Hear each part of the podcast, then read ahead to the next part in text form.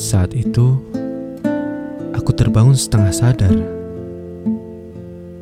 Kurasakan ragaku berada dalam kehampaan suatu lorong. Lorong yang setiap ujungnya memiliki label bertuliskan logika dan perasaan. Kurasakan saat itu, ada sesuatu yang hilang dalam ingatan pasca raga ini terbangun. Lantas, coba berlari ke sana kemari, namun tak kutemukan apa yang kucari. Kutanya dalam hati, masihkah ada percikan api yang bisa menyinari di sekitar lorong kehampaan ini? Lagi-lagi, yang ada hanyalah suluh mati yang sudah gelap dan usang. Kuulangi untuk berlari tak beraturan, berputar-putar dalam dimensi kehampaan. Lantas kutanya kembali dalam hati. Siapa yang membuat aku ada di sini? Di dalam lorong kehampaan ini. Kemudian, ku duduk terbenung sambil jemari memegang kedua kaki di salah satu sudut di bawah bagian lorong yang berlabelkan perasaan. Aku menangis jadi-jadinya kala itu. Dan lagi-lagi, tahu kenapa aku menangis. Lelah menangisi apa yang tak ku ketahui, aku pun terkantuk dan tertidur kembali. Hingga aku pun terbangun dan menyadari suatu hal.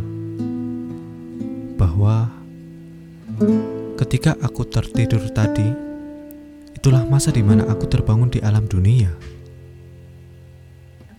Tak terasa air mata sudah mengalir selepas aku terbangun